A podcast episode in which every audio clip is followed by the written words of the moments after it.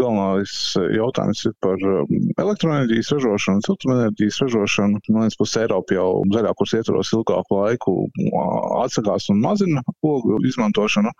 Tad šobrīd, ņemot vērā situāciju, kas ir gāzes tirgu, ņemot vērā, ka Krievija ir samazinājusi gāzes eksportu uz Eiropu, līdz ar to virknē valstu ir bažas, vai ziemā kopumā gāzes pietiks.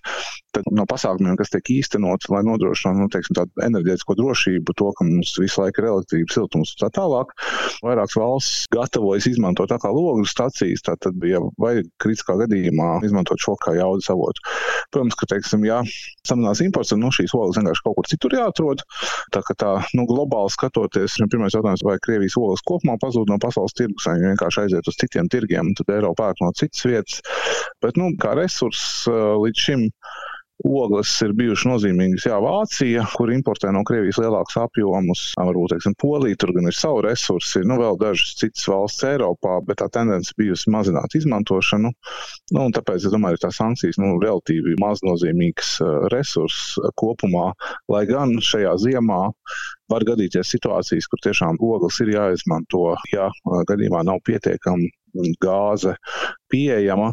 To gan ir šobrīd grūti prognozēt, jo tiešām tos enerģētikas tirgus un to līdzsvaru pietiks, nepietiks, cik maksās, ir ļoti daudz faktoru, kas to ietekmē.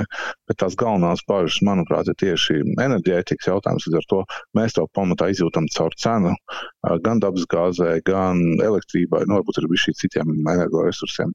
Nu, ja gāzei, naftai pasaulē mēs īpaši šobrīd pēdējo mēnešu laikā ļoti labi esam izgājuši cauri alternatīvām Krievijas tirgumu, kā ir ar ogļu tirgu alternatīvu Krievijas tirgumu? Tur tās alternatīvas ir pietiekami daudz. Ogles tomēr ir, protams, ir transporta jautājums, bet tam vajadzētu būt atrisināmām. Protams, teiksim, Krievija tuvākais tirgus ir tādās papildus transporta izmaksas un, un tā tālāk. Tur nav, teiksim, tādu varbūt infrastruktūras ierobežojumu, kā ir dabas gāzē, kur varbūt kādā valstī ir dabas gāze, bet vienkārši nav ne importa, ne eksporta infrastruktūras, kā to gāzi dabūt tur, teiksim, no viena pasaules gala uz otru. Oglēm šādu problēmu tomēr nav. Bet, protams, situācijā, kad ir tad, teiksim, tāds kopumā energoresursu zināms deficīts veidojas. Tad var kaut kādas situācijas rasties, bet, manuprāt, nu, no energoresursiem ar Eiropu šo ir izvēlusies kā, teiksim, tādu sankciju subjektu tieši pamatā tādēļ, ka arī pašai Eiropai tas ir vismazāko ietekmi. Un, attiecīgi, tiešām var samazināt Krievijas ieņēmumus, vienlaicīgi nu, nenodarot um, kaitējumu savai, savai rūpniecībai, nu, tik daudz, cik, teiksim, kur metālurģijā vai kur vajadzīgs tur varbūt nedaudz cits kvalitātes, tas, es domāju, ir pasaules tirgu pietiekamā apjomā pieejams pieejams, nopērkams. Protams, arī varbūt cenas jautājums, bet pret to teiksim, izaicinājumu, kas ir tīpaši gāzes jautājums, tas, protams, ir uh, mazs apjoms. Svarīgākais, kāpēc šāds embargo ir ieviests, ir pati Krievija. Ja Eiropai, kā mēs tagad klausāmies, tas eh, nav tāds liels draudz atteikšanās no Krievijas oglēm, eh, tad proporcionāli pašai Krievijai Eiropas atteikšanās no tās oglēm, eh, cik liels spiediens vai ietekme uz Krieviju tad varētu būt. Krievijai tas ir svarīgāk varbūt nekā Eiropai šajā gadījumā vai ietekmējošāk? Kaut kādā mērā jā, noteikti ietekmējošāk tas ir. Bet, protams, ka Krievijas, ja mēs skatāmies uz eksporta struktūru, tad ogles arī nav ne tuvu lielākais eksporta produkts, tomēr nafta, gāze, dažādi veidi metāli dominējušais. Ja man atmiņā nebija tie kaut kādi daži procenti, cik ogles veido no Krievijas eksporta. Bet, nu, tas tāds arī Krievijas pusē nu, relatīvi tāds nišas jautājums ir. Bet, protams, ka veidojot sankciju politiku, tiek meklēti jebkuri veidi, kādā veidā varētu ierobežot Krievijas eksporta ieņēmumus, vienlaicīgi nu, pēc iespējas mazāk kaitējot savām interesēm. Tāpēc ogles, nu, kā no energoresursa, tika izvēlēts pirmais. Un, attiecīgi, šobrīd jau ir pieņemta lēmuma arī par gāzi gāzi un naftas produktiem, bet nu, tie stājas tur spēkā gada beigās uz nākamo gadu. Kā, Latvija jā. un Krievijas ogles man šeit nāk prātā pirms, nu jau vairs neaktuāli, bet pirms krietniem gadiem redzēti ogļu kalni dažādas katlu mājas. Tas ir mazāk sastopams krietni šobrīd Latvijā, nu, un, protams, tranzīts. Kā šīs maina Latvijas ekonomiku, kur ir tās tiešākās un sāpīgākās ietekmes? Es domāju, ka tiešā veidā mums tranzīts jā, ir bijis senākos gados um, arī palielu apjomu kaut kur pusotras miljonus tonu vidē mēnesī.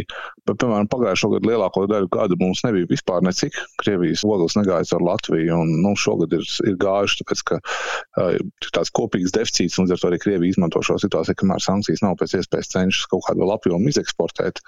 Līdz ar to mums ir tranzītā nu, zinām apjomu, 500 tūkstoši tonu mēnesī. Bet Uz ekonomiku kopumā tam ir faktiski nekāda ietekme. Tā ir varbūt konkrētiem uzņēmumiem kaut kāda papildus peļņa, bet kā mēs to sajūtam, ir tieši pastarpināti. Ja gadījumā tiešām rodas situācija, kad, kad Eiropā ziemā gāze nepietiek vai kaut kā tā, un tad ir, un savukārt šī ogles ar kaut kādā veidā izrādās nepietiekoši vai ne, nu, tas var ietekmēt mūs caur elektrības cenām, caur, nu, teiksim, kopumā situāciju Rietumē Eiropā, ja, piemēram, Vācijā kaut kāda rūpniecība jāaptur. Nu, tie ir jau tādi ļoti pastarpināti un tur otrās, trešās kārtas ļoti efekti. Bet tiešā veidā es arī domāju, ka mums nu, pagājušajā gadā lielāko daļu gadu mums nebija ogļu tranzīts un nu, īsti mēs to nesajūtām.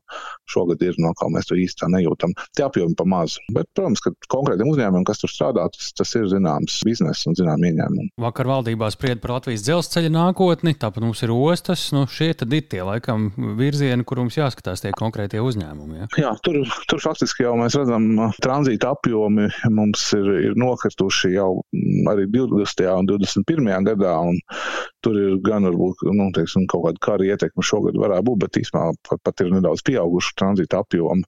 Bet Krievijas nu, teiksim, ilgtermiņa stratēģija ir bijusi attīstīt savus ostas, un jebkurā gadījumā, kamēr vēl Eiropa pirka energoresursus, tad šo plūsmu organizēt ar savām ostām.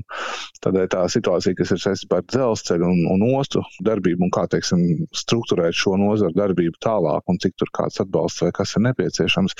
Te jautājumi būtu neatkarīgi no tā, ir, ir šāds ogļu embargo vai nav. Tas krāva apjoms, kas mums šogad ir bijis, nu, nekādā veidā fundamentāli nemaina situāciju. Dzelzceļā un arī tādu ilgtermiņu skatu, jo arī Eiropa, mēs domājam par oglēm, nu, tas ir tāds īstermiņa risinājums. Klimata un uh, emisiju samazināšanas mērķis neviens nav atcēlis līdz ar to. Skaidrs, ka uh, tas varbūt ir ziemas vai divu jautājums, kad atkal pieaug patēriņš, bet tādā, nu, vidē ilgtermiņā, jebkurā gadījumā noglēm Eiropā uh, atsakās. Un, un, un kopumā, teiksim, tāds tranzīta apjoms samazinājums varētu būt viens no iemesliem, kāpēc mums, teiksim, arī pēdējos divos, trīs gados tā ekonomika nu, ir nedaudz bijusi vājāka nekā kaimiņiem. Tiešām, ja piecus gadus atpakaļ tranzīts bija ļoti nozīmīga nozara, tad šobrīd tie apjomi un, un, un tā darbība būtiski sarukusi. Ar to nu, arī valdībai rodas šis jautājums, ko darīt gan ar ostām, gan ar, ar dzelzceļu. Skaidrs, ka tur teiksim, tā situācija tāda, kāda viņa bijusi, nevar turpināties. Tur ir kaut kādas nu, restruktūrizācijas jātaisa un jāplāno savu darbību jau pie daudz mazākiem apjomiem. Ir tīpaši dzelzceļā ostas, tomēr tur ir arī vietējās kravas un tur tie pielietojumi plašāk ir. Uh, bet jā, savā ziņā noteiksim tieši šodien jā, mums nav tāda kravu samazinājuma, tāpēc ka tās kravas ir pazudušas mums vairākus gadus.